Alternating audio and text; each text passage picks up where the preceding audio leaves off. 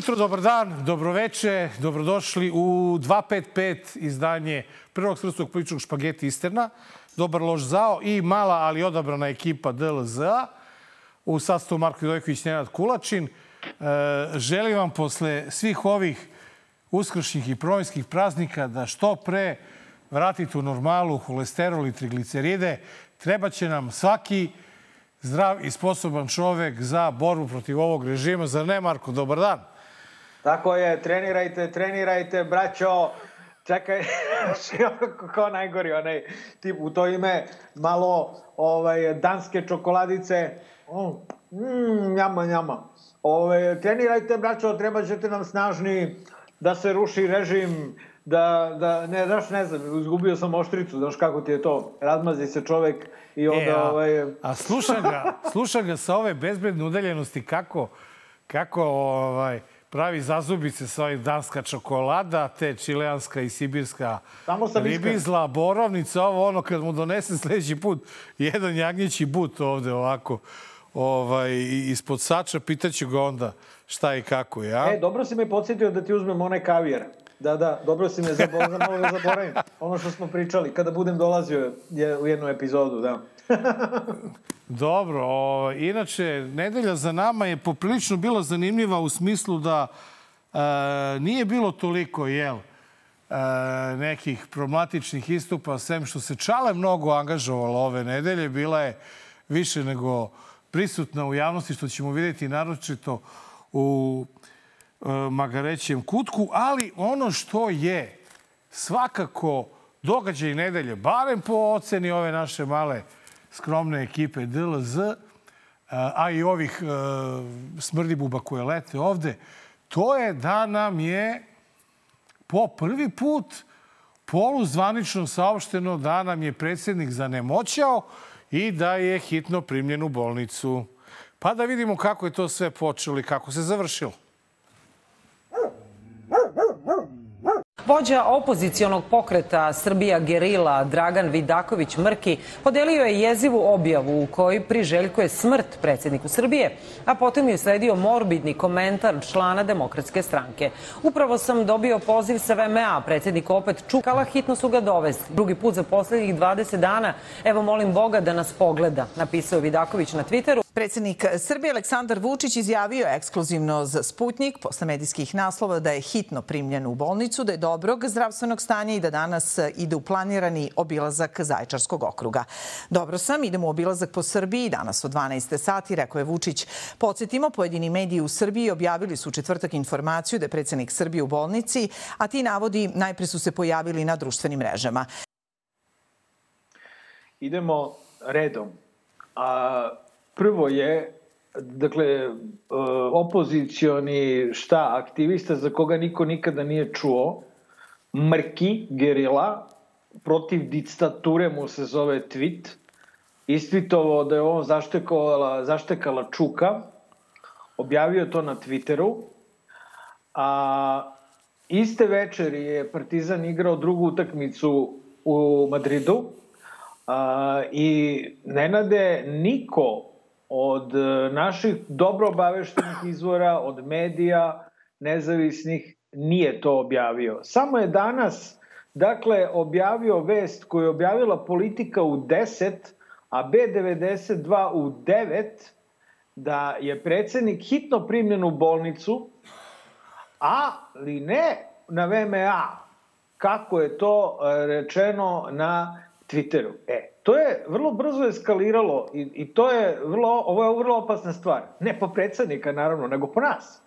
A, zato što je to odmah eskaliralo. Ova dezinformacija a, je eskalirala u tom smislu da je stigla podrška predsedniku od Sandre Božić, podpredsednice Skupštine, od e, njegovog deteta, koje je reklo da će e, se s nama boriti i kad budemo u grobovima ili sam možda malo pomešao, ne, ali ne. otprilike... Kad to oni su... budu u grobovima, borit će se protiv nas. Ne, ne, Nenade, veruj mi, ovo je rekao.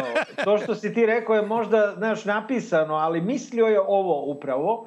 A, I ono što je najstrašnije, iste večeri e, se raspomamio i Branislav a, a, Malović, član predsedništva SNS, koji je napisao, brate, jedan pismeni sastav od cele stranice u kome je uh, ovu, uh, ovaj jedan tweet uh, projektovao u sledeće.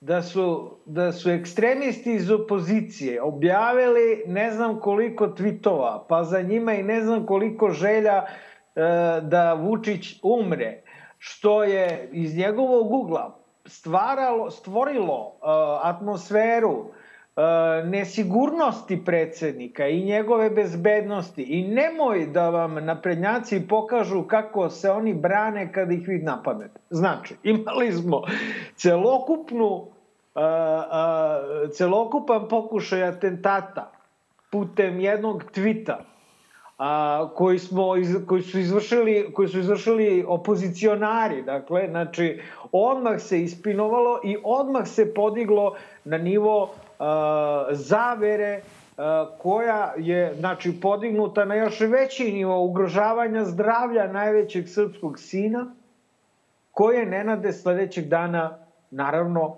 vaskrsnuo. Ono što nije vaskrslo, to je naša krivica, jer ja nekako, znaš, kad počnu tako da nas puku, zna se ko su dežurni krivici, ne nade. To smo ti i ja i svi ovi ostali, nas 20, 30, koliko nas je ostalo. A, I plus, to, eto, ta opozicija, ovde su, koliko se sećam, apostrofirani Lutovac, a, a, ovaj, Milivojević i novopečena opozicionarka naša Zoka. A, ono što nije e, se desilo, to je da, da li je e, e, policija istražila, da li je iko pitao dete Danila, mali, kako ti je tata? Znači, kada je on napisao to, jer on vajda zna kako mu je čale. Nismo dobili nikakvu informaciju o tome kako je Vučić, osim od njega samog, Putinovom mediju e, Sputniku, da je dobro i da mu nije ništa sledećeg dana. Međutim, pokušaj atentata pute putem jednog tvita je ostao. Nenade, ko je taj gerila? To fake ne, profil? Ne znam, znam samo da, da čovek je, kako reče Vučić, gastarbajter, da živi A. u inostranstvu, znači nije odavde. Ne bori se odavde, nisi fair, zato što nisi u, među ljude koji su prvi reagovali, ubrali, nabrojio i Čaleta. Čale isto A. jedan srceparajući tweet napisala. Tako da su oni, e, ako pogledaš, Mare, uspeli putem tvitova da, da, da ozdrave predsednika. Znači, tvitovi su bili ti koji su predsedniku pružili pomoć, ali e, moram da ponovim, Mare, ono što smo mi više puta rekli u našoj emisiji, a to je e, ne dao Bog da se desi dok je čovjek na funkciji da mu se nešto desi. Prvo to apsolutno Dosta je bilo u Srbiji stradanja vlada, vladara na taj način. A i druga stvar, možda je malo, ovaj, nije ni vreme ni mesto to da pomenemo, ali nije zgorek znati da u slučaju da nam predsednik zanemoća po pitanju bilo koje bolesti, pa i one nervne, ovaj, njega menja, znate ko? Da, upravo taj, Orlić. Tako da, predsjedniče, si ti nama živ i zdrav do kraja mandata, a onda lepo u penziju, budi čovek i nemoj više da maltretiraš. Zatvor, u zatvor, da. ne u penziju. Pa dobro, on je vidi, zaslužio, vidi. Ovaj, on je zaslužio zatvorsku penziju, imaš zatvorsku imaš ludnicu. Imaš ljude koji imaš... kažu da je on zaslužio ludačku košulju. Prema tome, ja sam e, to sve nenade, nenade, objedinio mo... kao penziju. Kaži. Nenade, možda je stvar u sledeće. Možda je on ovaj, zaista završio u bolnici, ali ima različitih bolnica. Možda nije zaštekala čuka, nego zaštekala glava. Pamet. Možda, je, je, je li, Nenade, je li ovaj štrajk ulazilo Zareviću gotov? Jo, ne znam, nismo se time bavili, Mare, ali Slušaj, u svakom, e, da, da, u svakom da, slučaju... Da repliciram, da repliciram, neću u svakom uopšte, slučaju, ovaj... dragi naši DLZ-ovci, ako vam slučajno nešto nije dobro, ako slučajno malo zanemoćete, odmah angažujte ekipu oko sebe, onu najbližu, nek vas sačuvaju i zaleče pravim onim tvitovima podrške i to definitivno videli smo Mare radi bez problema. Znači kad ne valja samo podrška na Twitteru i odmah sutradan ste spremni da idete ako trebaju u Sokobanju da držite govor tamo ili u Knjaževac sa onim ljudima ja što ću... proizvode višnju. Tako da Slobodno. Ja ću, ja ću podsjetiti šta je on radio naredna tri dana. Znači, sledećeg dana je išao u Zaječarski okrug. Tamo je Soko banju Zaječar, otkud znam šta. to nam je već sledeći prilog. Aha, e, dobro. E, to da se- a, a, da- Slušaj, vratit ću se onda na ovo. No, Ti na- se malo šališ, Nešo, ali ja bih a, da ostanem ozbiljan, zato što je ovo... Prošli put, 2019. sećaš se, u Šapcu smo vodili posebnu emisiju kada je zanemoćao ovaj, a, posle neprijatnog pitanja na konferenciji za novinare koju mu je uputila TVN1, novinar sa TVN1. Sećaš se, to je Da, bio da. poslednji put. Beograd E, e, na vodi bio. Svi neki. su govorili, e, vidiš jebote, pa onda vidiš kako se iscelio. Četiri godine kasnije, on sam, kad ga pitaš za Beograd na vodi, on kaže, sad ja sam rušio. Bespravno izgrađene užerice. Ali, ovaj, e, znaš šta, sjeti se, tada smo imali odmah informacije, sve, znači odmah smo sve znali. Znači, e, stvar je u tome što je Srbija Mislim, izvinjavam se, ja to gledam iz Evropske unije. Vi ste jedno, vi ste jedna prća, vi ste jedno ovako, jedno prčence ovaj, ništavila u kome se sve odmah sazna, u kome vesti brzo putuju i u kome bismo mi već u četvrtak uveče, umesto ovaj, što smo morali se bavimo partizanovim, partizanovom pobedom, zasluženom ok, i tučom koja je bila zanimljivije ovaj, deo te utakmice, a, mi smo se mi smo ne, mi smo bili prinuđeni bačeno je pred nas nešto što je rekao bih potpuna izmišljotina. Ja bi ali oni su rekli on je u inostranstvu. I sad šta? To znači da ne mogu da dođu zbog njega zbog ši, do širenja ladnih vesti. Znači a, treba naći ko je i šta je mrki a, protiv diktature. Da li je to samo debil kome je neko poturio lažnu informaciju ili je to lažna informacija sama po sebi. Zato što nije bilo više tvitova. Bio je taj jedan tvit i naravno moroni koji su ispod tog tvita krvoločno seirili na time da li će Führer da rikne ili ne. Znači, to je, brate, stvar uh, anti-bontona Ali znaš šta je, znaš šta je Mare zanimljivo tu? Šta? Uh, sa tog stanovišta je zanimljivo da su vest o tome da je on završio u bolnici pustili upravo njegovi mediji. Duše ne svi. I to su tome- bili to su bili Alo, Srpski telegraf, Novosti, Politika i tako dalje. Ko se upecao, upecao se. Znači, niko se nije pecao na... na te- Nenade, nije, nije, nije potrebno da se mi pecamo. Znači, Ne, ne. ovo je sad jedna nova vrsta lova. To je lov u kome on baci mrežu na nas. Ne, on ne baci udicu, mamac, pa da se mi sad pecamo.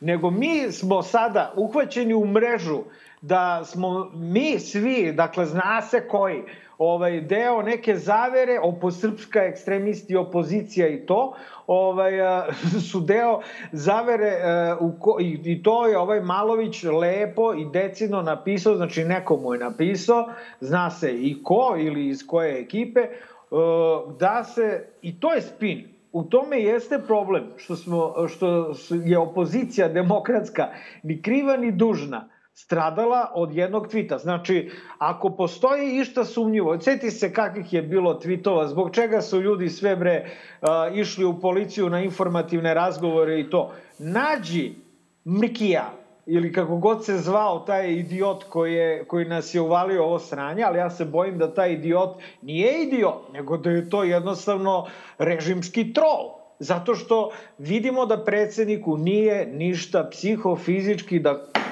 kucnemo u drvo, Drvo, on je da. zdrav kao dren, brate, pojavio se i tri dana nam se nije skidao. Skidao sa grbače. Da. E, Tako da, brate, To je onda jebi ono- ga, moramo, moramo da budemo pažljivi. To je ono, takvim- Mare, što se zove krizni PR i evo da vidimo kako je to izgledalo u petak i u subotu. Poštovani gledalci, predsjednik Aleksandar Vučić na početku posete Zaječarskom okrugu stigao je u Sokobanju gde obilazi štandove sa lokalnim proizvodima. Idemo u živo sliku. Predsednik Srbije Aleksandar Vučić se nalazi u obilasku Zaječarskog okruga. Sada se direktno uključujemo u Sokobanju. Idemo sada uživo u Sokobanju gde se obraća predsjednik Srbije. Jesi ti momče na ovo spremao? Domaće. Jeli? Jesi?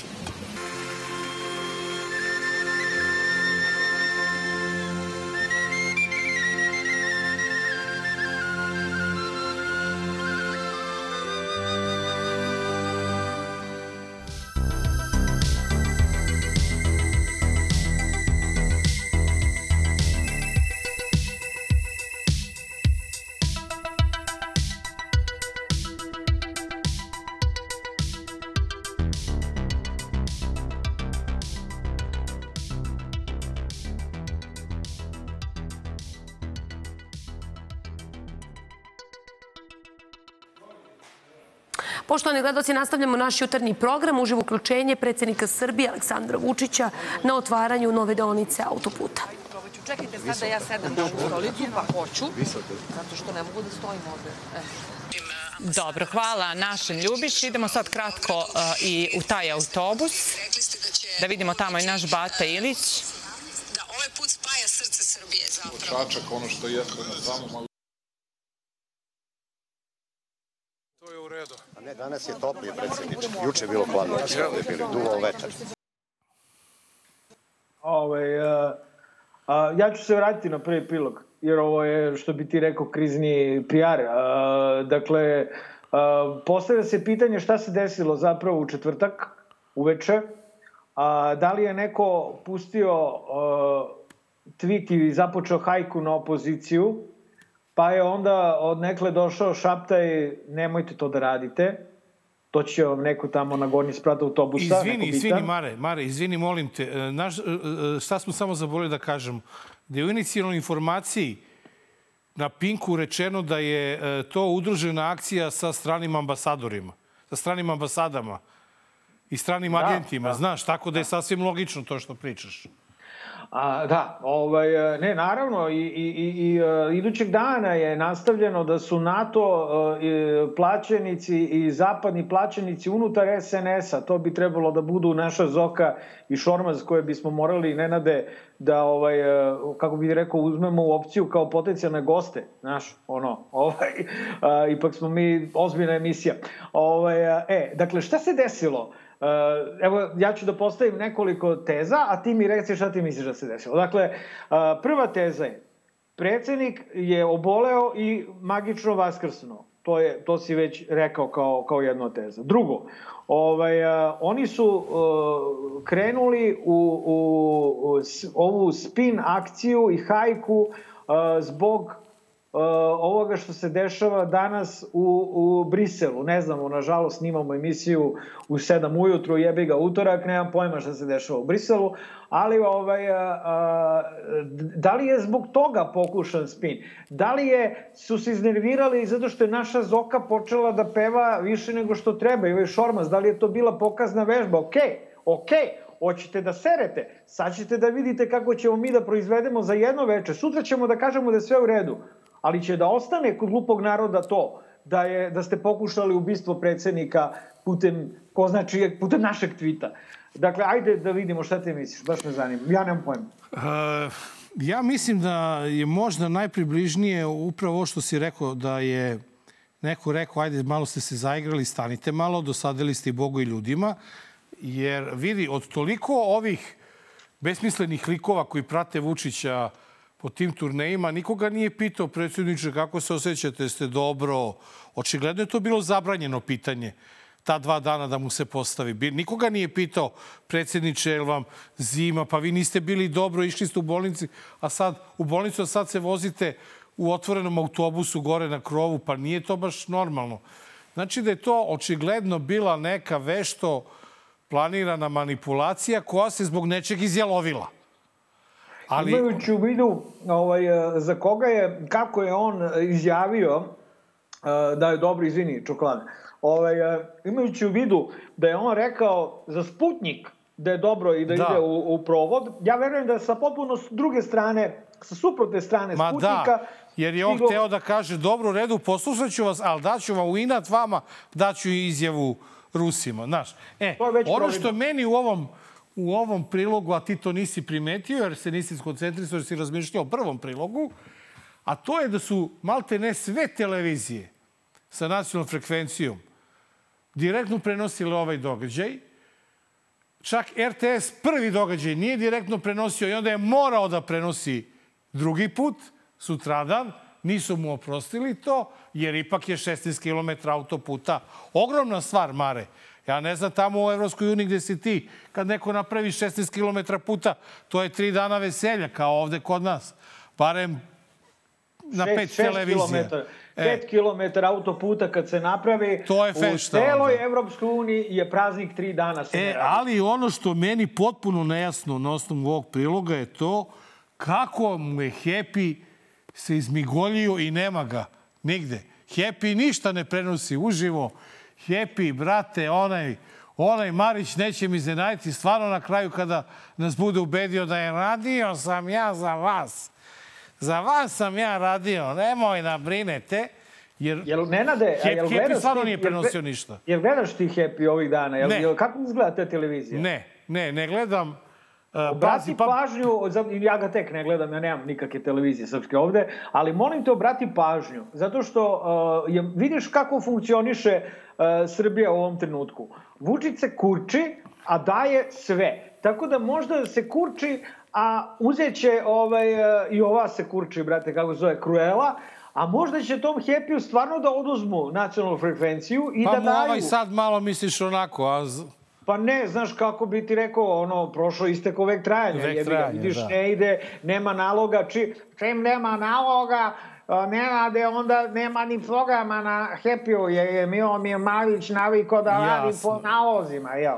E, a Mare, pre nedelju dana, a ovde je sedeo sa nama Vuk Jeremić i pričao je o tome kako bi idealno bilo da na sednicu Saveta bezbednosti posvećenu Kosovu e, prisustuje predsjednik Srbije i da jasno i glasno, bez straha, direktno saspe, saspe kako kaže ono, istinu u lice celom svetu. Međutim, desio se šipak. U Njujork je otišao Dačić i evo kako je prošao. Na terenu i dalje vlada atmosfera straha i neizvesnosti i pritisaka prema Srbima i drugim nealbanskim zajednicama. Pre svega neophodno je da se svi dosadašnji dogovori još od Briselskog sporazuma, koji sam potpisao pre 10 godina, zajedno sa Catherine Ashton i Hašimom Tačijem, dosledno i u potpunosti sprovedu. Želo bih da naglasim da će Republika Srbija preduzeti sve zakonite političke i ekonomske mere kako bi zaštitila živote i osnovna ljudska i politička prava Srba i drugog nealbanskog stanovništva na Kosovu i Metohiji. U cilju nastavka sveobuhvatnog socijalnog i ekonomskog napretka srpskih sredina, Vlada Srbije će kroz poseban investicioni program ubrzati infrastrukturni razvoj i povećati, povećati mere finansijske podrške privredi, poljoprivrednicima, mladima i socijalno ugroženim kategorijama. Ivica Dačić je odgovoran za masovna ubistva, silovanja kao oružje rata i ratne zločine i treba da bude doveden pred suda za ratne zločine. A ova gospođica, gospođa Štalije iz naše južne pokrajine sve u pravu. Ona je to rekla i za Aleksandra Vučića. Jel, oni su bili u toj vladi koja je izvršila nebrojene zločine nad kosovskim Albancima 99. Ovaj, I e, ajde sad to što su nas ovaj, e, navukli ovaj, na bombardovanje i to, kako bi rekao, to je delimično i krivica građana Srbije koji, su, koji nisu na vreme uočili šta im se sprema, koji nisu gledali šta se dešava na Kosovu 10 godina, jer su gledali šta se dešava preko Drine, jel? I onda, znaš, dok su srenuli, su vidjeli šta se dešava na Kosovu, kao tamo uče, ka, napadaju policajce, napadaju vojsku, onda referendum, nećemo stranu čizmu, onda bombardovanje i tokom bombardovanja Albance u hladnjače i u masovne grobnice i ovaj, u, u egzodus. Ja. I onda posle jebi ga kako, ti, kako to ide kad uđeš u bombardovanje u rat sa NATO paktom, a, malo su se ti planovi ludački Slobodana Miloševića i njegove ekipe u koju spadaju Ivica Dačić i Aleksandar Vučić izalovili i danas naravno da će ovaj Ivica koji stvarno, kako bi rekao, mi pričamo o tome da li je Vučić koji brutu zdrav, prav, debeo, brate, ništa mu ne fali da kuce mu drvo, ovaj, kad ga vidiš svaki dan na televizijama i kad ga Siniša Mali snima, ništa se ne menja, on i dalje izgleda, izgleda zdrav i prav. Boga mi ovaj Ivica, brate, kad ga gledaš, meni nešto kako bi rekao, ufitilio. I ovo mu sigurno nije prijalo to što je morao da ide i da priča o sporazumu koji je potpisao pre 10 godina sa Hašimom Tačijom i Catherine Ashton. Ja zaboravio, brate, ko su jedno i drugo. Ove, ali zato je Ivica večan, jebote. I zaista, ovaj, Vuk je bio u pravu, naravno, ovaj nije, možda je on zato kao ovaj, izbacio tweet da je u bolnici, znaš, kao Pa jebi da, ga, možda se opravda time. Možda baš, možda baš zbog toga. Eto, u bolnici sam nisam mogao... Ali, Mare, ovaj, moram da ti kažem da mi je puno srce nekako kad sam čuo ovu Albanku kako je odgovorila Dačiću. I prvo što mi je palo na pamet to je kako smo mi sve ove godine dozvolili tom Dačiću da bude bitan, brate. Pa to bre je jedan hoštapler koji zaslužuje da bude u zatvoru ono od prvog do posljednjeg dana ostatka svog života. Šta je taj čovjek sve uradio? Kako je živeo da neko uđe samo i da ispita njegovu imovinsku kartu njegove porodice, da vide čime su se sve bavili, šta su radili, gde su stigli, gde su završili. Pa to je, bre, ono, vidi, to je jednostavno... Ja mislim da, da nas Ivic, da nas Aleksandar Vučić nije vuko toliko ono što se kaže za bradu koliko nas je taj Dačić izvukao i navukao je. Ne, ne, ovaj, ista je to banda i uh, ono što i ti i ja osjećamo i verujem svako normalan kad sluša kako neko ovako, brate, spiči po Ivici Dačiću kako je zaslužio, to je u stvari uh, mi projektujemo sobstvenu nemoć na ovu ovaj, da. uh, osobu iz, sa, sa, iz naše južne da. pokrajine, da. ovaj, odmetnute. Uh, te, uh, znaš, i, i, i mi smo počeli, mi koji smo bili poznati po tome da lešimo po ovim jajarama, brate, kao i levom i desnom i ti, na tebe i mene, mislim, razumeš? A, ja moram da primetim da smo i mi post, počeli da bivamo onako, znaš, satirični i mekani i pažljivi i pored toga, i pored toga što sam ja dislociran jebote, odnosno rame je dislocirano, a ja sam relociran, ovaj, dakle, i pored toga što sam relociran i pored toga što su oni življavali na njama, izgleda da je u stvari to življavanje donelo ovaj, a, a, plodove. I, i, a, I onda ti kada čuješ nekoga ko ovako otvoreno njima jebe majku, ti onda kažeš jebote koje smo mi pičke. I ti i ja, koji smo najveći carevi ovde, smo u stvari sise. Mislim, ja se izvinjavam svim tim ženskim organima, jebi ga, to tako, znaš, glupi srpski narod to tako voli da kaže. Ali ovaj, i ti ja smo bednici i kukavice u poređenju sa, sa, sa time kada čuješ kako kosovski albanci ovaj, roštiljaju ovaj, ovu bandu koja nama radi najviše o glavi, pa onda i njima. Ma, da, ali na svu sreću, Evo da sa nečim lepim završimo prvi deo naše emisije. Eto, probudila se iz zimskog sna posle jedno 15 godina naša Zoka.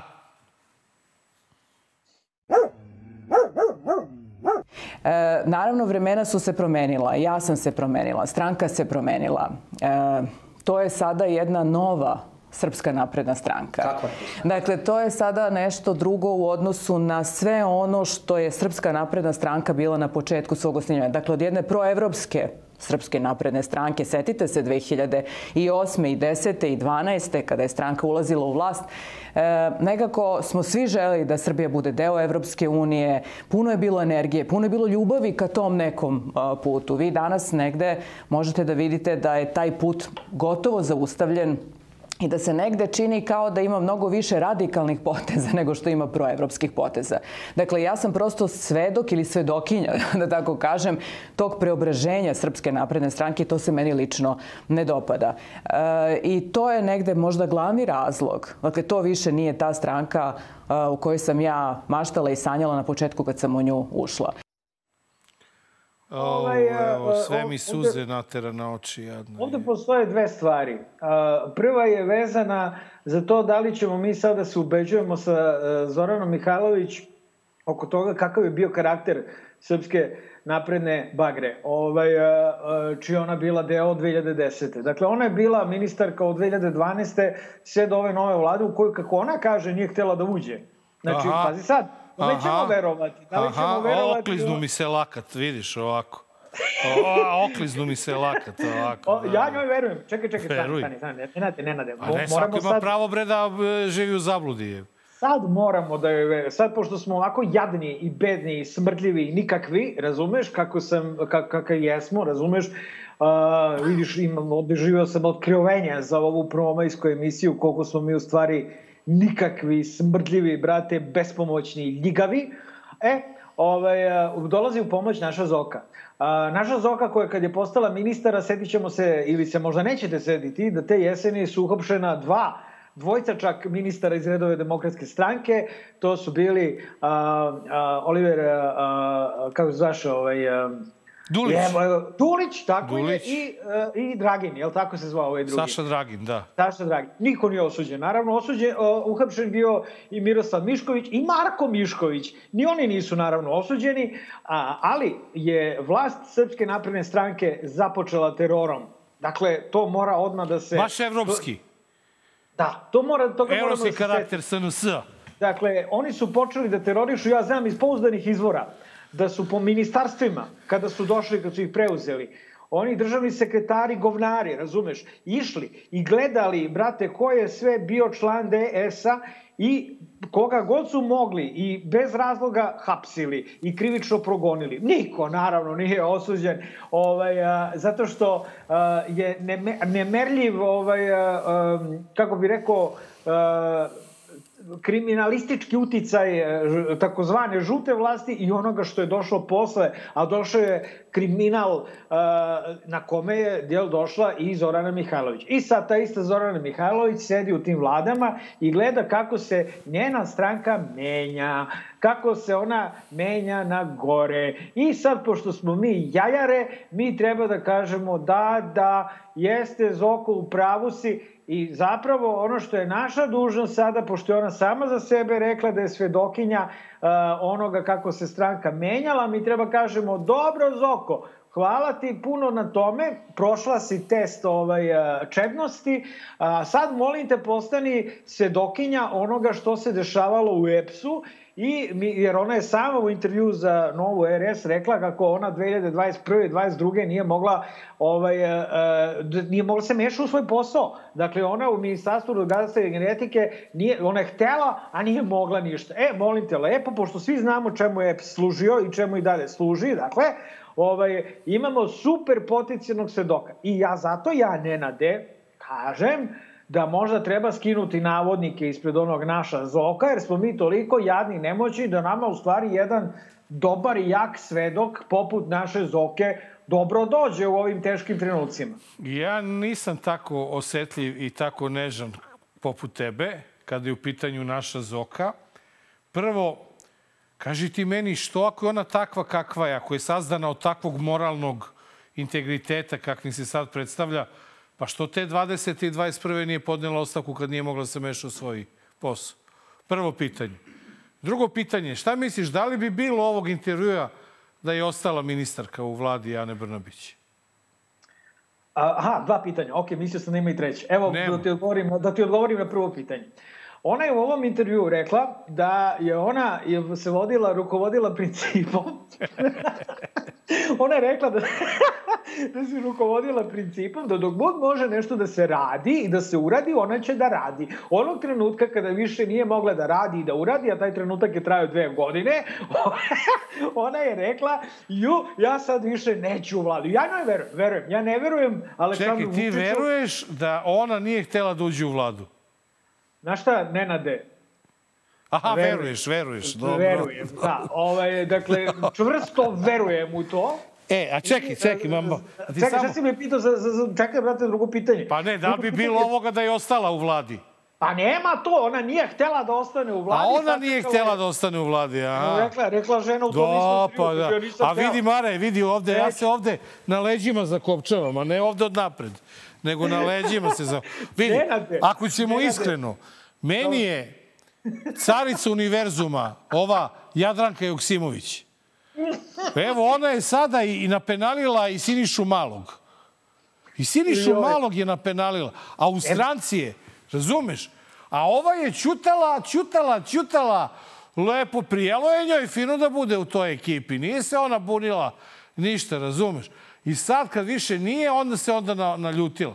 A ja ti garantujem da bi bilo sve drugačije da je Ana Brnabić sačuvala u vladi. Ali, ja, mislim, ako, ja, ćemo, ja ako ćemo iskreno, pre bih u ovom studiju ovde ugostio e, Šormaza nego Zoku, jer Šormaz je u toj stranci i bori se. Čak se, je rekao će se kandidovati za predsednika. I ja mislim da bi, njegovo, da bi njegovo gostovanje u DLZ-u njemu pomoglo u toj kandidaturi. Uplašio, sigurno bi.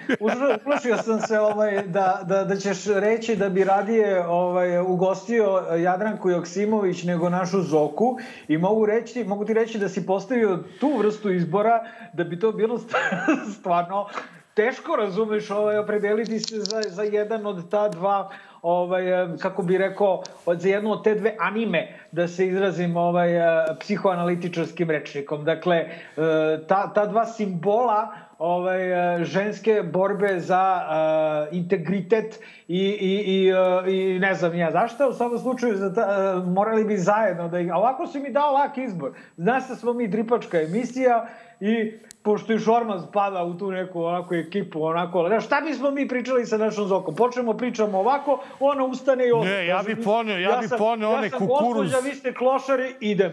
Ja bi onaj Znači- šećerac ovde poveo, krećeš. ovako bi gledao i rekao bi, Zoko, ajde samo 30 sekundi na kolena, na kukuruz i da se lepo izviniš celom narodu Ne, i ne. da se pokaješ, pa da ti onda verujem. Neće to tako ići. E, pa Morat ćemo, znam. Nenade, da progutamo ovaj, našu Zoku. E, ali to govori, Marko, koliko smo jadni i bedni. Pa to ti Kada kažem. mi moramo našu Zoku da progutamo i da sad očekamo nju kao jel nekoga ko će nama da objasni da je Vučić odbio, pa svi mi znamo da je Vučić odbio Rio Tinto zbog predsjedničkih izbora.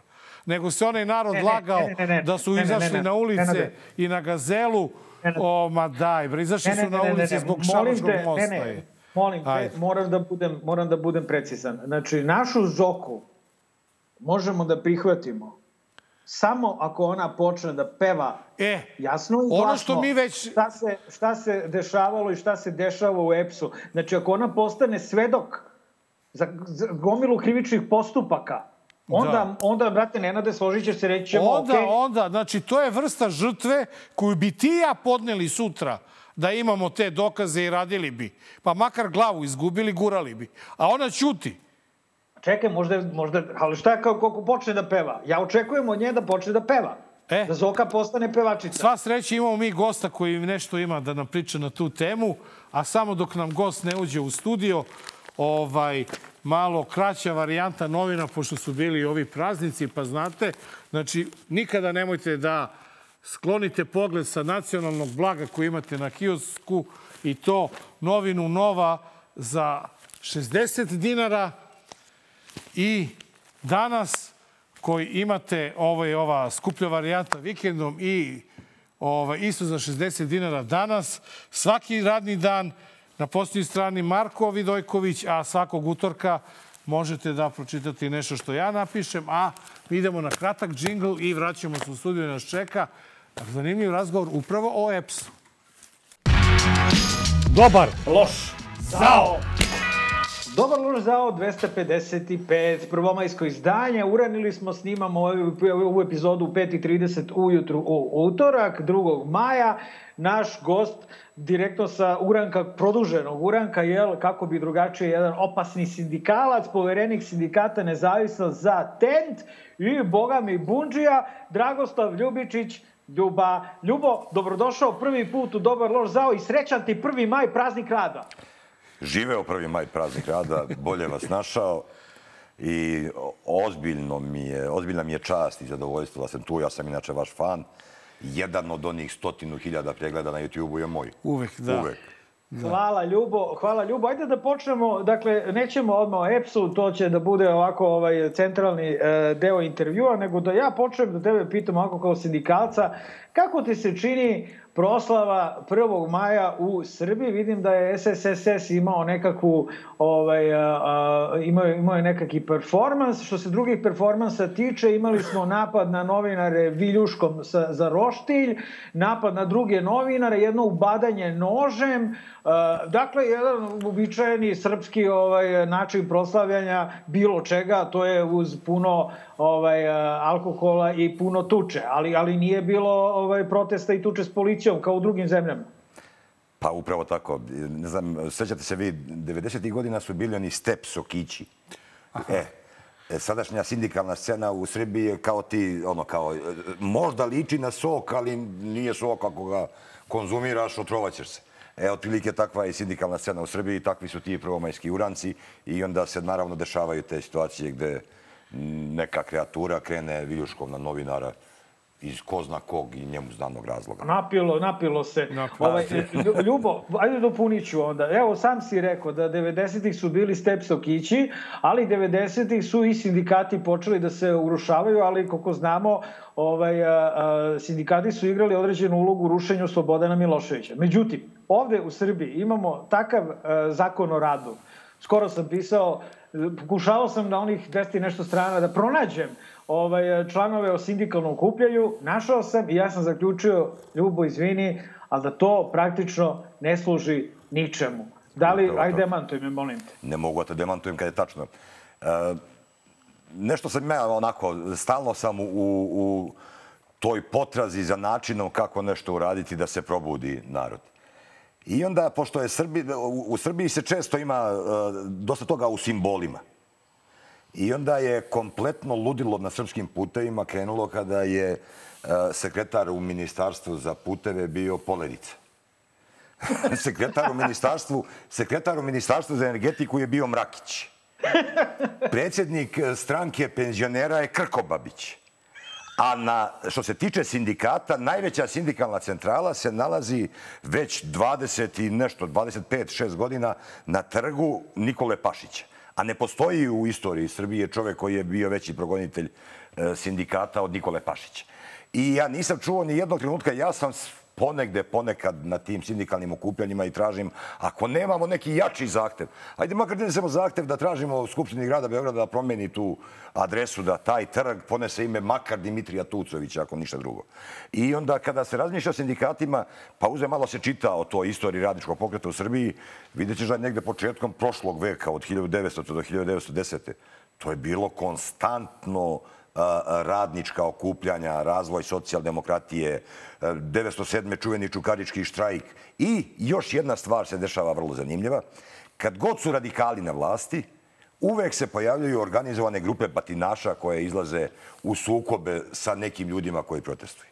Pa je te 907. ili 6. kada je bio taj čukarički štrajk, a, pored žandarma koje su tukli te mučenike na Čukarici, pojavila se i plaćenička ekipa komita Koste Pećanca.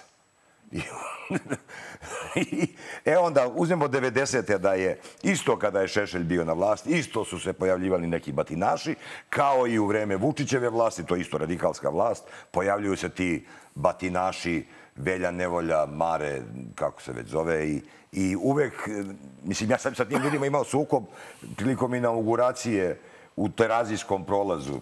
Sa nekim. Pa sa tim, tom ekipom tom koja je... E, ali vidi, da li biću, biću ono, baš što bi rekla Ana Brnoć, brutalno ono, brutalno ću biti iskren. Ja, moj lični stav je da je jedan od najgorih stvari u ovoj zemlji, jedna od najgorih stvari u ovoj zemlji su sindikati.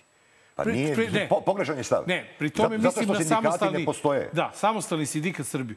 E, mi smo Magreći kutku stavili Anu Brnabić, ne bismo pogrešili da smo stavili Orli, ovog Orbovića koji priča. Či taj Orbović, ne, ne, imamo mi predstavu koliko on platu prima uopšte.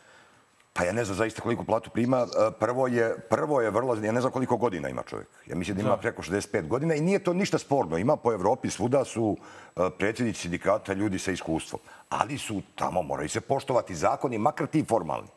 A formalni zakon je da čovjek sa 65 godina života, penziju, ukoliko brate. ima 15 godina staža, ide u penziju maksimum, može do 67,5 i ide u penziju. I nije to problem. Problem je, ja stalno to govorim, e, nijedna organizacija, znači ovi naprednjaci su ovakvi zato što je njihovo rukovodstvo najagresivnije. Vi u, u, po, po dubini dole, vi nemate neko članstvo koje je specijalno agresivno, spremno na sukobe, osim ako ga predsjednik, znači naj, najnaloženiji naprednjak je predsjednik njihove stranke Vučić. E tako i sindikati nemaju nikakvu šansu za uspeh ukoliko je članstvo radikalnije od rukovodstva. A na nesreću srpskih radnika mi nemamo ni jedan sindikat za koji se može reći da je borbe.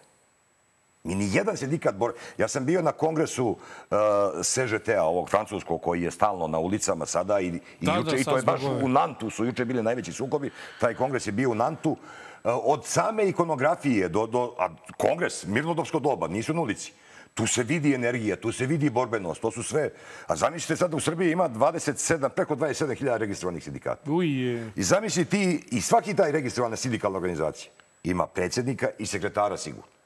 To je kolona od 50 ili grupa od 54.000 ljudi koji svakog 1. maja da izađu na ulicu, pa nije Pa je ovako masa neko, pa je masa. Samo da izađu predsjednici sekretari, a kamoli onaj ugroženi radnički svet svuda širom Srbije i potpuno nebitno da li je on u državi, radi kod e, poslodavca Ili gdje je država ili kod privatnika koji mu čak ne da ni, ni sindikalna Mari, organizacija. izvoli. Pa, Ljubo, uh, kada pogledamo zakon o radu, dakle, uh, ingerencije sindikata su bukvalno nikakve. Znači, oni mogu da eventualno učestvuju u pregovorima o kolektivnom ovaj, uh, ugovoru. Tako da, ono što se čini, to je da je toliki broj sindikata zapravo služi za kontrolu radnika. Jer to su ovaj to nisu pravi sindikati jer pod jedan pravi sindikat ja mislim ni ne postoji zato što je zakonom sprečeno da postoji sindikat koji će da se bori za prava radnika. Prema tome 26.000 sindikata služi da neko ne bi slučajno negde digo glas zato što i onda naravno da nemaš nikakve pobune radnika pre svega ja mislim zato što je poslodavac uvek taj koji može radnika u bilo kom trenutku bez bilo kog bilo kog razloga da otpusti. I zato imamo sindikate koji su zapravo poluga vlasti. Pa e, potpuno se slažem s tobom. E, Zadnja velika šansa propuštena, kao i sve propuštene šanse za e, nekakav nov život sindikalizma je bio, ako se sećate, pre 5-6 godina pokušaj organizacije štrajka u Fijatu. I to je e, situacija u kojoj je samostalni sindikat kao najavio štrajk, ali borbeniji deo radništva je bio sindikat nezavisnost. I oni su, e, meni je krivo što sam tada bio odsutan, pa nisam uspeo da razgovaram sa tim dečacima iz nezavisnosti tamo, jer bi im rekao da nikako ne ulaze u isti štrajkački, zajednički štrajkački odbor sa samostalcima, jer je predsjednik tog sindikata e, nezavisnost, e, pošto postaje to medijski vrlo zanimljivo, u toku večeri je otišao na Nišku televi- televiziju, čini mi se, neko daje intervju. U tom trenutku Brnabić dolazi u Fiat sa predsjednikom tog sindikata fabričkog samostalaca, se dogovara, izlaze, ispunjavaju se kao štrajkački aktivnosti. Javna je tajna da je sutradan taj predsjednik tog samostalnog sindikata sa dve pune, puna džaka para išao i plaćao e, radnike koji su kao učestvovali u štrajku i posle kao nagradu dobio je da postane predsjednik granskog sindikata metalaca, samostalnog sindikata. A ovaj iz nezavisnosti je takođe postao predsjednik granskog sindikata metalaca nezavisnost, ali međutim, pošto je dobio otkaz u Fijatu, e, ovi moji veliki drugari iz nezavisnosti se setili da ne može predsjednik sindikata da bude nezaposlen, pa su mu i oni dali otkaz. Tako da je čovjek u potpunosti ostao bez posla. A, a na moju veliku žalost ja sam ga učlanio nezavisnost. I od tada kreće to um, i moja... Kako smo došli dotle? Pa došli smo, prvo smo došli e, dotle što ako je ovo vladavina loših đaka, loši đaci ništa ne znaju o ideologiji. Nemoguće je baviti se bilo čim koje ima neko, neku ideju, a da to nema ideologiju. Mi u Srbiji, svuda u Evropi su sindikate, evo recimo ovi u Francuskoj. To su sindikati levičarske, socijaldemokratske organizacije. I to je naj, najveća podrška Melanchonu koji značajno raste u francuskom društvu. On je sada za malo ušao u, u, u drugi krug predsjedničkih da, izbora. I sigurno će nekim sljedećim, s obzirom što kako Macron radi sa ovom penzionom reformom, sigurno će Melanchon, ukoliko ga sačuva zdravlje, jer i on je čovjek već preko 65 godina, će dobiti značajnu podršku. A sad mi pobeže misla. A, do, a, da, a kod nas mi nemamo. Di, evo recimo, u ono što ja znam, prvo naprednjaci nemaju nikakvu ideologiju. Koja je ideologija Srpske napredne stranke? To ne postoji kao ideologija da možeš da je smestiš. Pa da je smestiš u bilo koji okvir. Vi u Italiji imate demohrišćanske sin- sindikate koji imaju to neko, kako bih rekao, poludesno. Ali nemoguće je biti sindikalac i biti desničar. Za sindikalca pravog moraš da budeš makar socijaldemokrata. I svuda u svetu su te socijaldemokratske stranke nastajale i sindikata. Laboristička stranka, mislim, sećamo se Johna Majora. John Major je bio par excellence sindikalac, pa je postao, Postao premijer. da. I političar i premijer. U Nemačkoj iz, iz IG metala je nastala ova njihova socijaldemokratska stranka i u parlamentu nemačkom imate najmanje, sada ne znam tačno koliko je, ali ispod 20 sindikalnih aktivista kao poslanika u nemačkom Bundestagu nema. U, u Francuskoj isto vrlo značajni s tim što oni imaju, tamo doveli su Meksikanca, predsjednik CŽT-a je Meksikanac Martinez, prilično ljut i agresivan sindikalac i e, staje im na žulj. E, samo u Srbiji mi imamo e, to bavljenje sindikatom dok je bio profesor Stojiljković predsjednik nezavisnosti, to je bila ono Akademija nauka, sindikat nije Akademija nauka, sindikat mora bude borbena organizacija. Sada imamo Čedanko Andrić, e, kojoj je jedino zapošlje, zaposlenje u, u životu je sindikat. Ne, ne, nema osjećaj, nema taj feeling fabrike, feeling radnika. Da može da prenese... Da može da prenese... U toj to- svojoj tako je. borbi. I, I imamo ovu... Uh, 5. oktobar je trebao da donese i podelu sindikalne imovine. Do toga nije došlo. Sva imovina je ostala u Savezu samostalnih sindikata s kojom oni manipulišu, izdaju... uh, ona- Žive ko bubrezi u žive loju. ko bubrezi u loju. Ja ne znam koliko ljudi radi e, za stalno, da, da su zaposleni za stalno u, u, u toj zgradi na trgu Nikole Pašića. Ispod 200 sigurno nije. A u nezavisnost je postanar. A koliko je članarina uopšte u sindikatu? Pa najčešće bude 1% od, Od plate. Od plate. Mnogo je to. Ovaj, no, puno, bre, brate. Ovaj, ali ne, ne, pogotovo- ali najveći, najveći problem je e, taj IG Metal, nemački, toliki štrajkački fond ima da nema te nemačke vlade koja sme ući u sukob i toliko istrenirano članstvo ima da kada sindikat kaže sada je štrajk, nema tu zezanja pa kao nećemo da štrajkuje, nego... Drugo, to je A zato I naravno mi- da, da platu, da u vreme koje si proveo u štrajku, ti neće platiti poslodavac. Nego to nego sindikat. plaća sindikat iz svog štrajkačkog fonda. A vi u Zato Srbiji mi imamo, zato nemate mi ni- imamo ovaj, Ljubo, izvini, ali zato mi imamo zakon koji je praktično kolonijalni, koji je uveo jeftinu radnu snagu koja može se da noga u dupe u bilo kom trenutku, izvinim na mom sindikalnom rečniku, ali i zato sindikati služe za ukras i prema tome ja mislim da mora se menja zakon o radu da bi se nekako živeli sindikati. Ali A to je inače pričali- Vulinov, Vulinov zakon je Mare to. Pa naravno, to je- to, to je, čim, e, drugi. To je zakon, sad, sad ćete se, iz 2014. to nije zakon Vulinov, to je zakon Saše Radulović. Saša Radulović. Da, taj je on u kompletu doneo zakon o radu, zakon o javnim preduzećima i zakon o javnoj svojini odnosno o privrednim društvima. To je komplet bio i bili su veliki sindikalni, veliki, za Srbiju veliki sindikalni protesti. Međutim, paralelno se dešavalo sa poplavama u Obrenovcu. I onda je to I onda je to, pokrilo to. pokrilo, nije, ni smo bili, ja makar nisam stigao kućom i Dobro, poplavljena ali što će. ako, ako ajde ostavimo sve to i ovaj e, kolokvijalni način obeležavanja 1. maja tek... u Srbiji i tako dalje, u čemu je sada suština problema sa EPS-om? Sada je suština problema sa EPS-om uh, po meni... Ja sam dugo mislio da je ono kako je došao 12. decembra 2021. godine, da je tu glavni problem nestručnost uh, i tako to. A onda sam ukapirao u stvari da nije. Da je nestručnost bila samo alat u rukama određenim lobijima i interesnim grupama da, da dovedu EPS u stanje u kome je on bio 2021. godine. E, tada je možda, malo pre ste pominjali Zoku, moguće da nisu uspeli, u- e, možda su oni htjeli da sklone i Zoku i Grčića u istom paketu da bi otvorili prostor za to delovanje, jer Zoka je, za vašu informaciju, Zoka je bila sindikalka 90. godina. Ona je radila u Elektroistoku, nekadašnjem, sadašnjim elektromrežama Srbije i bila je sindikalka. Tako da, Mare, da znaš da je Zoka sindikalka. E, pa evo vidiš koliki mi je osmeh, znači, bukvalno od uveta do uveta. I, I onda smo došli u tu da je e, taj neki prelazni period za njih bio kritičan, da li odmah da ne, glupo im je bilo tada da utrčavaju akcionarsko društvo, onda su našli iš, gde su iskopali Dubravku Đedović Negre, u stvari zna se gde su iskopali, nametnule su je upravo ti lobiji koji su nestručnosti koristili da obaraju vrednost EPS-a i umeđu vremenu malo ih im je jedino poremetio planove sadašnji VD direktor, tadašnji VD direktor Tomašević, koji je čovjek iz sistema, stručan i voli preduzeće. I onda je on brzo, a imao je i sreće, nije mu bila sušna godina, nego je bila taman kako je Kako je trebalo. trebalo, da. I onda je i manji uvoz uglja imao i bolju hidro, hidro situaciju i realno od početka godine do sada EPS jedno vrlo profitabilno preduzeće. Za samo u prvom kvartalu EPS je zaradio 130 miliona evra samo od izvoza struje. I pokrio ovu svoju potrošnju ovde.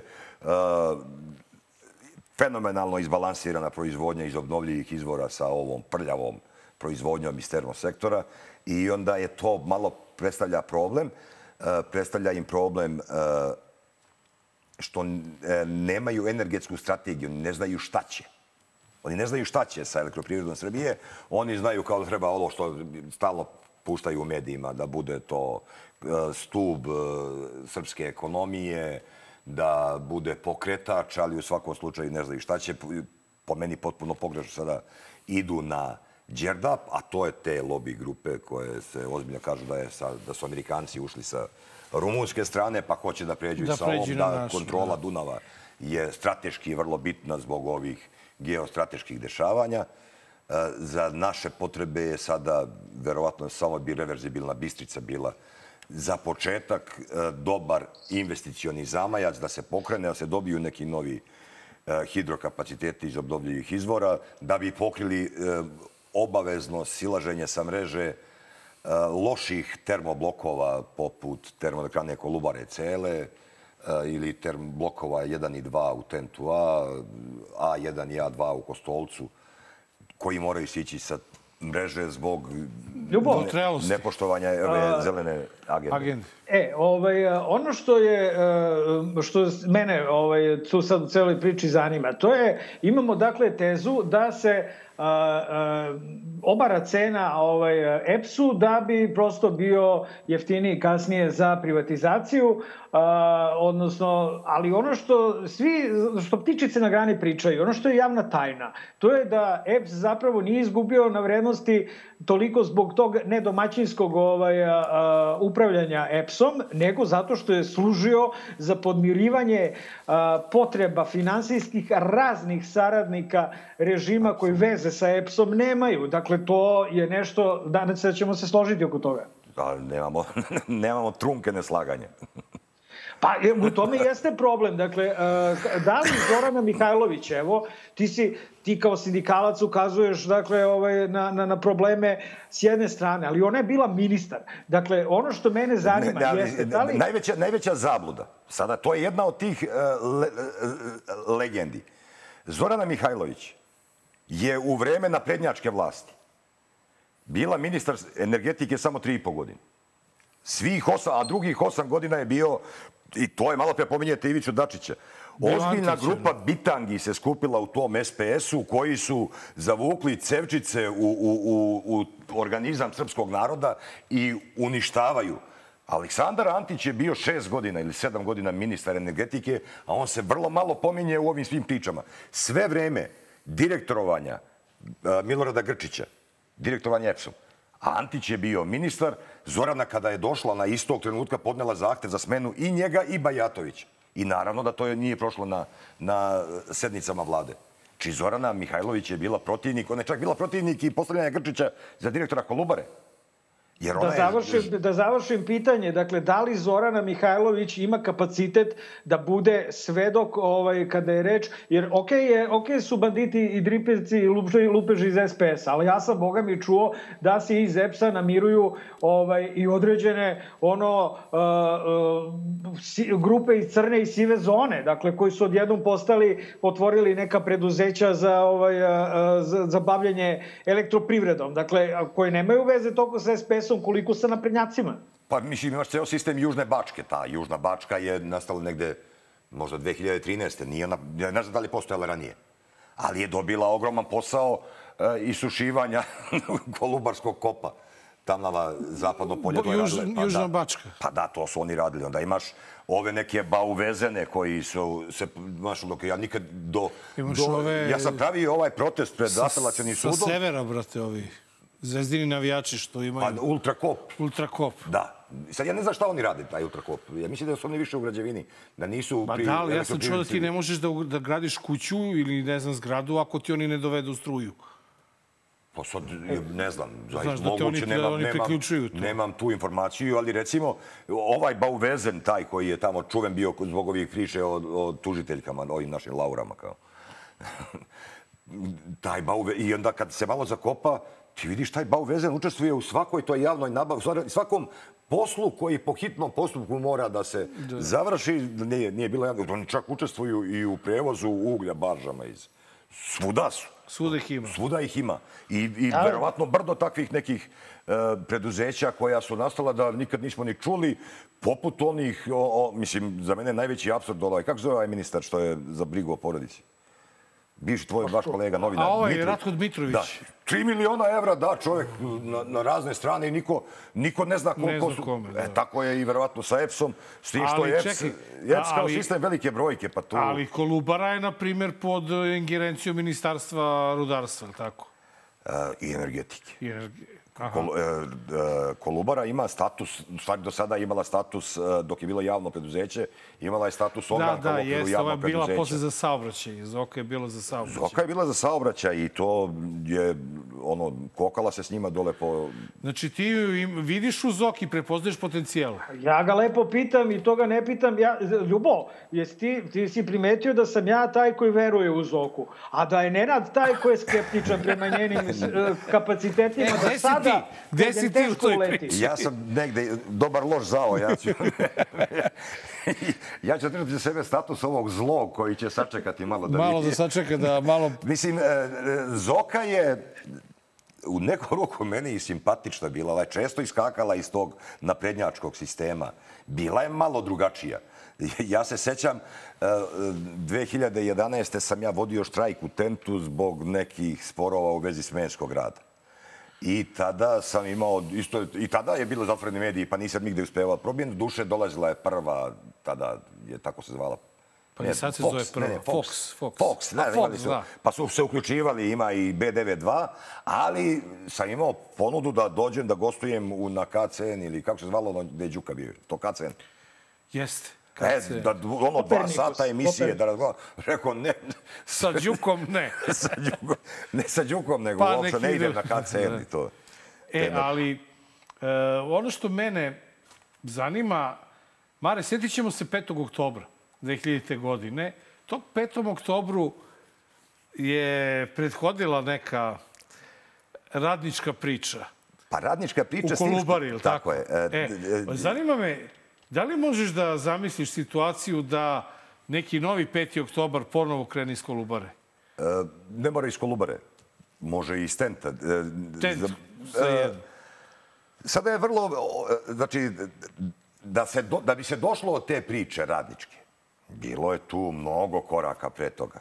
Jer realno to je, e, svi u zabludi su oni koji razdvajaju sindikat i politiku. Sindikat, bavljenje sindikatom je par excellence politika. To je, i, i kogod hoće da se bavi politikom na ozbiljan način mora računati i na sindikate. E, taj 5. oktobar došlo se do, uh, ozbiljno se ujedinila opozicija, pa se postigao nekakav rezultat.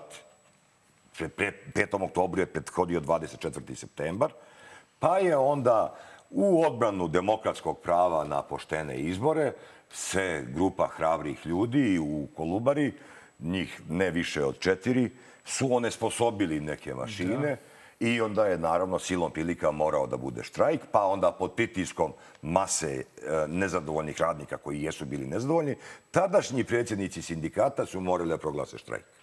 A ljudi potpuno zaboravljaju da je tada bio generalni štrajk u Srbiji.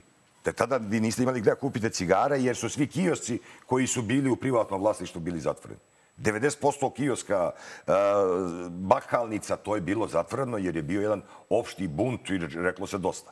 E, znači, preduslov sada je da se prvo politika složi, makar da se grupiše u, ne znam, u nekom e, značajnijem broju i siguran sam da će se ponovo pojaviti neki pojedinci među radnicima koji će neke ključne sisteme e, na ovaj ili onaj način staviti van snage, da će to dobiti medijsku e, e, pokrivenost i da će se na taj način ohrabriti svi slobodni ljudi širom Srbije. Među pitanjima koje smo dobili za tvoje gostovanje, stiglo je jedno zanimljivo, baš tiče se EPS-a, a to da li je istina da su još u januaru radnici EPS-a potpisali aneks ugovora o radu u kome stoji da se slažu da EPS postane akcionarsko društvo, u suprotnom nepotpisani ugovor je neproduženje istog. I šta se tada moglo uraditi i zašto nije? E, nije istina. Nije. Nije istina da, je, da, da su potpisivani aneksi ugovora o radu sa tim sadržajem. Znači, ja sam potpisao aneks ugovora o radu možda prošle godine u maju. To je jedan od prvih koji su potpisivali. Realno su se potpisivali uh, aneksi ugovora o radu, ali sa nekim izmenjenim je dosta, uh, uh, dosta toga u samom procesu rada se menjalo, što je izlazilo iz okvira tada potpisanih aneksa ugovora o radu. Niti je tu pominjan uh, taj koji sam ja potpisao, nije društvo. akcionarsko društvo, niti bilo A šta šta je drugo. problem sa tim akcionarskim društvom? Pa što se mene tiče, e, ja sam sa obe ruke za da EPS prestane da bude javno preduzeće, da postane normalno e, preduzeće poput takvih širom Da li Evrope. oni nama uvale E, ovu ministarku da bude... Problem, e, problem je tvo dvodomo upravljanje, gde oni kažu skupšt, da je prvo mu e, potpuno snize vrednost. Čak ni to nije problem što su mu snizili vrednost. Problem je što su dali e, vrlo visoke, visoku nominalnu vrednost jedne akcije i malo akcije. E, koliko god čudno bilo, 36 miliona i 500 hiljada akcija je malo za toliko preduzeće, a imaju veliku vrednost od 10 hiljada. I to je problem. I problem je što Ko su... će to da kupi Pro-? Pa ne, nego problem je što to nisu, e, što nisu ispoštovali zakon iz 2008. godine, gde su građani po tom zakonu imali pravo na 15% akcija, a zaposleni i bivši zaposleni do 15%. I to će reći da otprilike Lupiću sada od 25 do 30% akcija je elektroprivreda morala podeliti. E, da je sad, onda je problem utvrđivanje vrednosti imovine, jer po tom zakonu i kada postoje udruženja malih akcionara, onaj ko procenjuje imovinu mora konsultovati i male akcionare. Ovde Da. sve, sve to... Sve to zabašureno. Zabašureno, napravljeno je dvodomno upravljanje, gde je e, Skupština kao vrhunski organ, a koji, ja sam i tada rekao na tom nadzornom odboru kad su rekli, ok, ja ću vam verovati da je ta Skupština e, dobra, ali evo, izaberite mene da budem ja Skupština EPS-a. Ili u krajnjem slučaju izaberite, evo, nemamo viđeniju glavu u Srbiji od predsjednika odbora za energetiku Srpske akademije nauka. Stavite njega Stavite da bude. njega, da. Da bude skupština. Što to mora biti neko ko je iz izvršne vlasti?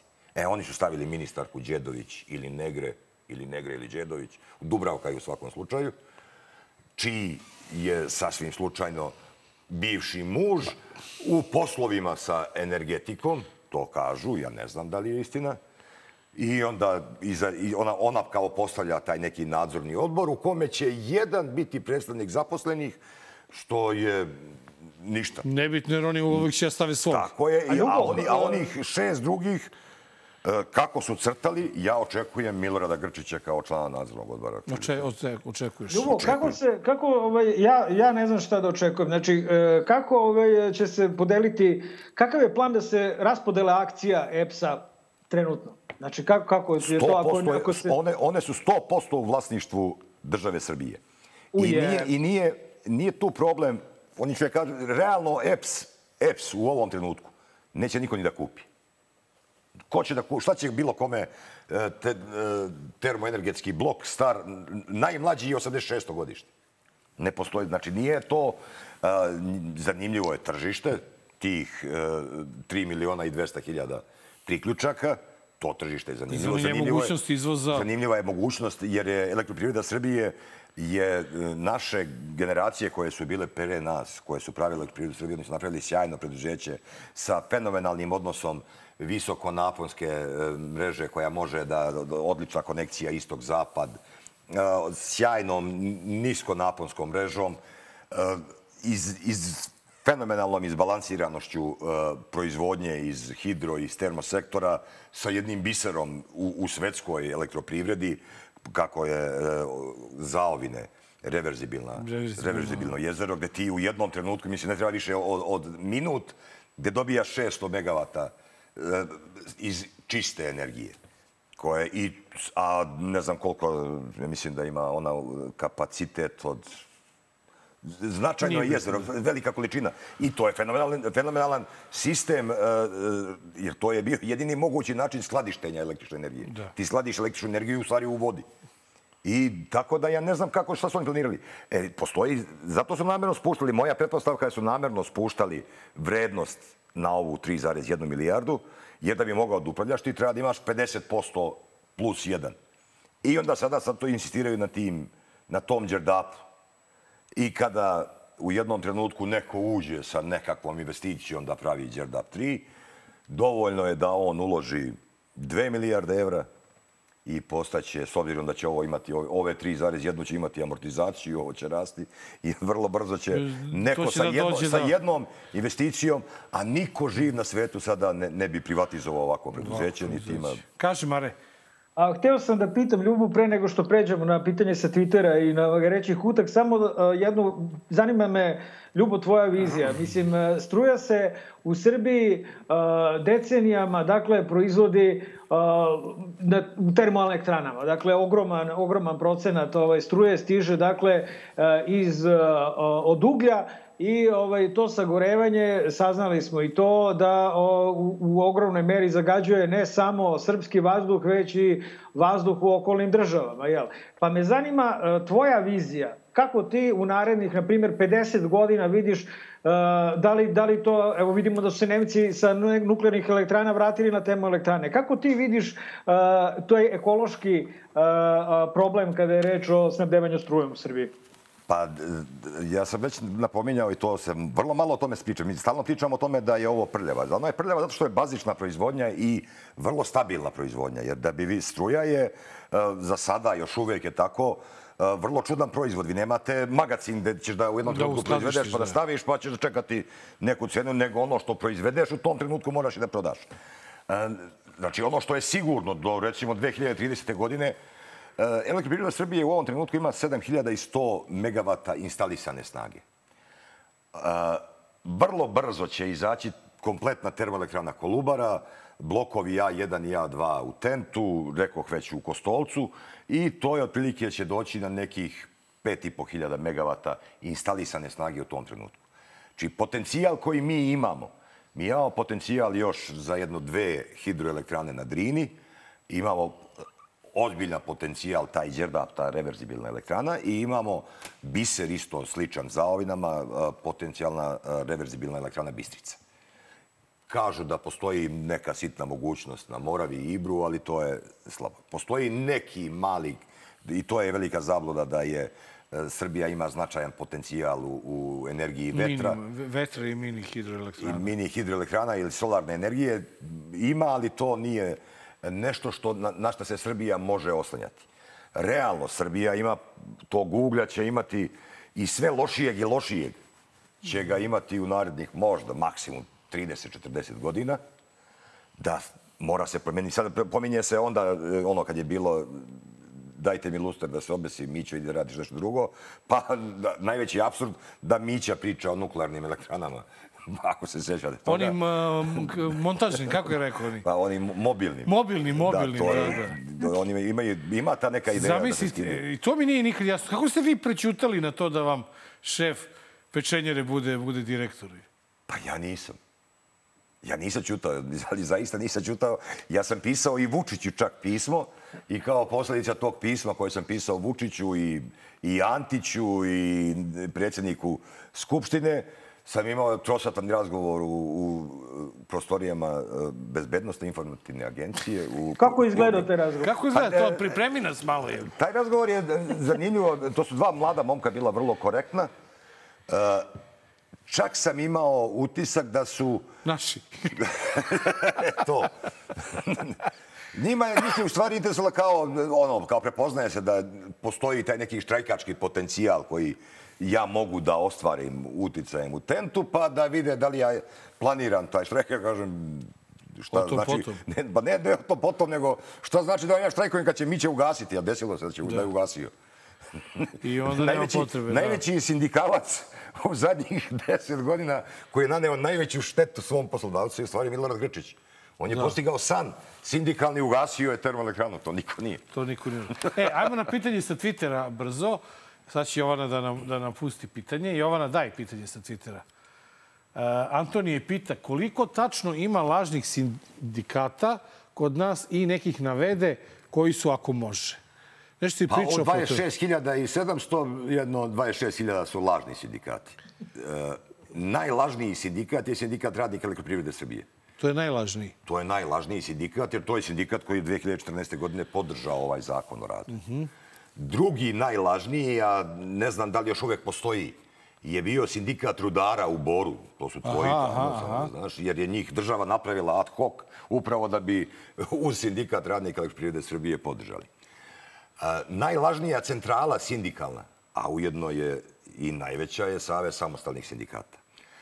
A, moja nezavisnost mučna liči na sindikat, ali imalo bi se što šta dodati tu.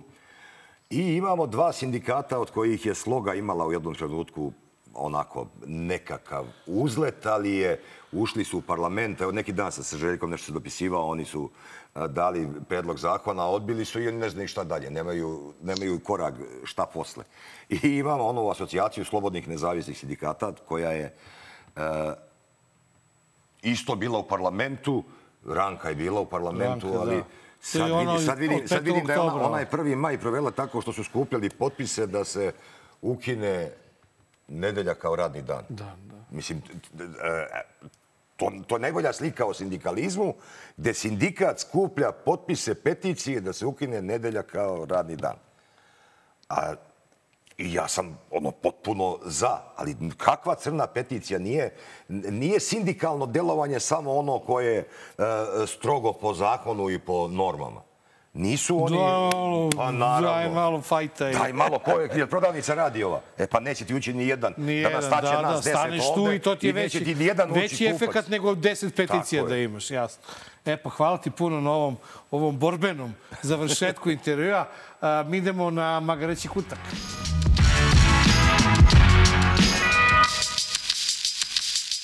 Magareći kutak, 255. izdanje Dobar loš zao. Sa nama u studiju je Dragoslav Ljubičić. E, Dragoslave, već smo najavili e, da, da imamo malo više čaleta u Magarećem kutku i da umesto ovog čaleta je mogo da bude i tvoj, da kažem, kolega e, Orbović, jer ovaj, mlatili su sličnu Jer slavu ista, ista je to vrsta poluusmenosti. poluusmenosti otprilike, da. Verovatno je, su tu negdje i sa, sa platama i sa primanjima, jer se sećam svoje vremeno i on ima oko 400.000 primanja, jer je on i član onog eh, A pa vladinog oni su, onog... Ima, eh, imaju, oni su članovi e, raznih upravnih odbora. I ne to, nego ono što je bilo, da, i ono A za ne, pregovore. A ne, to su članovi I tu- ovog socijalno-ekonomskog savjeta. E, I tu se dobija odlična plata, koliko sam shvatio. Tako da, evo, da, da vidite e, zašto je naša čale srećna, a srećna je zato što su radnici srećni i lepo zarađuju. radimo na tome da je položaj radnika u Republici Srbiji sve bolji. A ja svakako razumem i znam da sindikati time ne mogu i nikada neće biti u potpunosti zadovoljni. Zato što je posao vlade da nađe zlatnu sredinu između toga šta sindikati traže i toga šta, šta poslodavci traže kako bi nekako obezbedili da su i jedni i drugi donekle srećni. Nadam se da si razumeo. Prvo to. A drugo...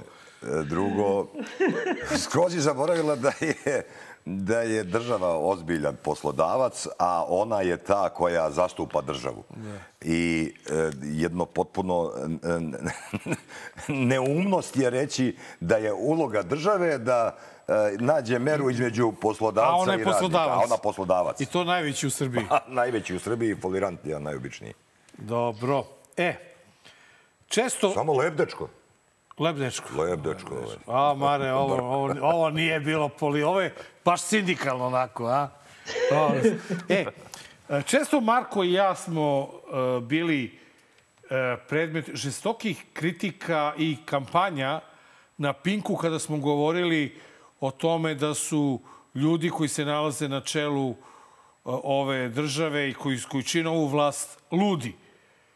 E sad, baš nešto ne verujem da će hajka biti podignuta i na predsjednika države ko je bio, ko je toliko iskren bio, da mu onaj, ona promaja onom otvorenom krovu od autobusa prijela toliko, ono kad pa je je rekao da- da, su rekao, ja okruženi, ne. da su okruženi ludacima.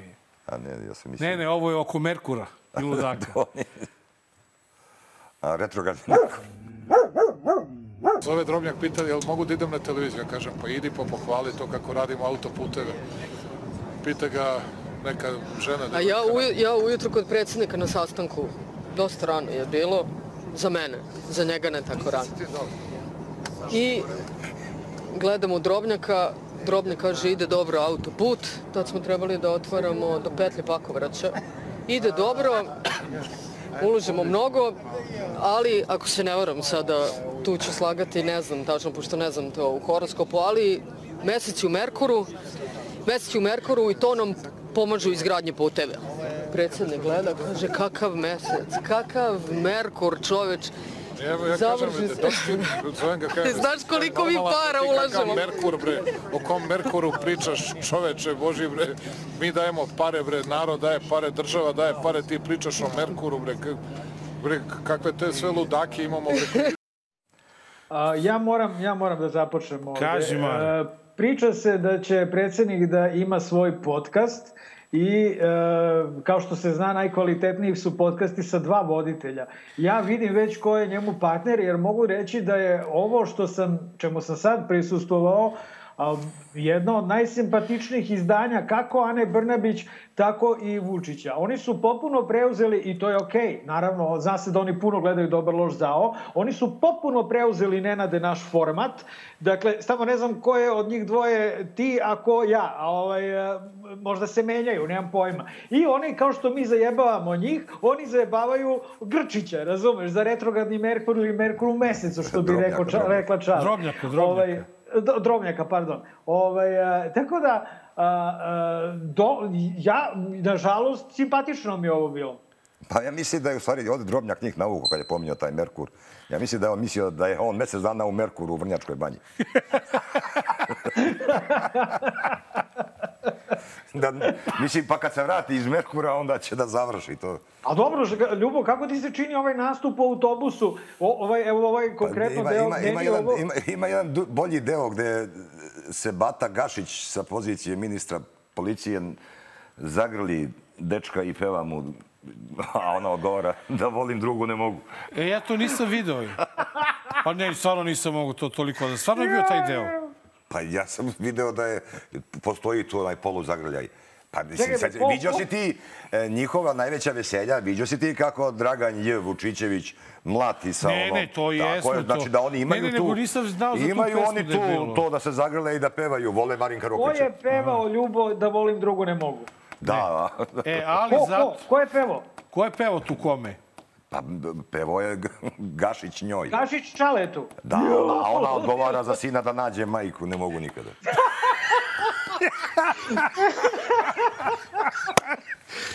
Kao bre, Ljubo Nenade, bre, meni ozbiljna našli konku- neki, neku situaciju, a viš samo kašem na plućima, sad još više me natera da kaže. Ja sam to pročitao, ne znam, da nisam volim ovaj- drugu, ne mogu za sina da nađe. Ozbiljna konkurencija, čoveče. Oni kad Ja, budu zatvorski... čekaj, pa to, je, pa to ne znam kako mi promaklo, ako je tačno. Ali ne znam, to se neko zezao verovatno. Pa ja sam to pročitao, ne znam. Sa ovim, sa ovim se niko nije zezao. Sa retrogradnim Merkurom. Ne, sa ribama i rakovima. Sa ribama i rakovima. Pa video sam da su se pojavili neki rakovi novi u Dunavu. Čekaj, sad ćeš da vidiš ove moravske. Samo da primetim, ovo je, kada pričamo o životnoj sredini, ovo jeste kompleksan projekat u tom smislu, zbog regulacije Zapadne Morave. I vi uvek čujete samo negativne vesti, nikada ne čujete pozitivne vesti.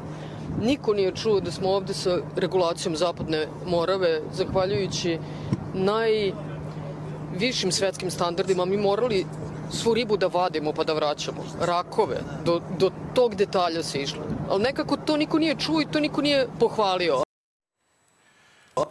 A, Mare, si ukapirao? E, jesu to neki bile ovaj... e, Oni da bi izgradili taj koridor od 16 km morali su da vade ribe i rakove iz vode i posle da ih ponovo vraćaju.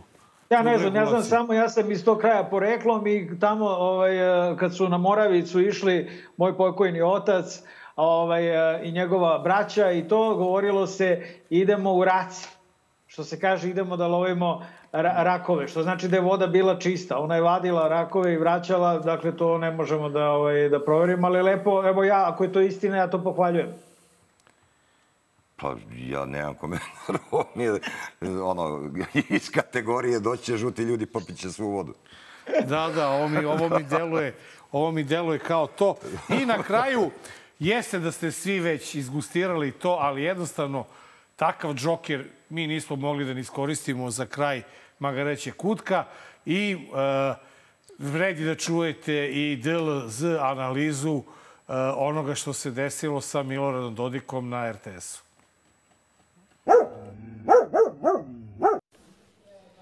Mada su, mogu ti reći malo ovi Đoković teški u pičku, maj, sigurno. Uf. Naš ljudi to sve doživljavaju na emociji, a kad uđeš u posao, au.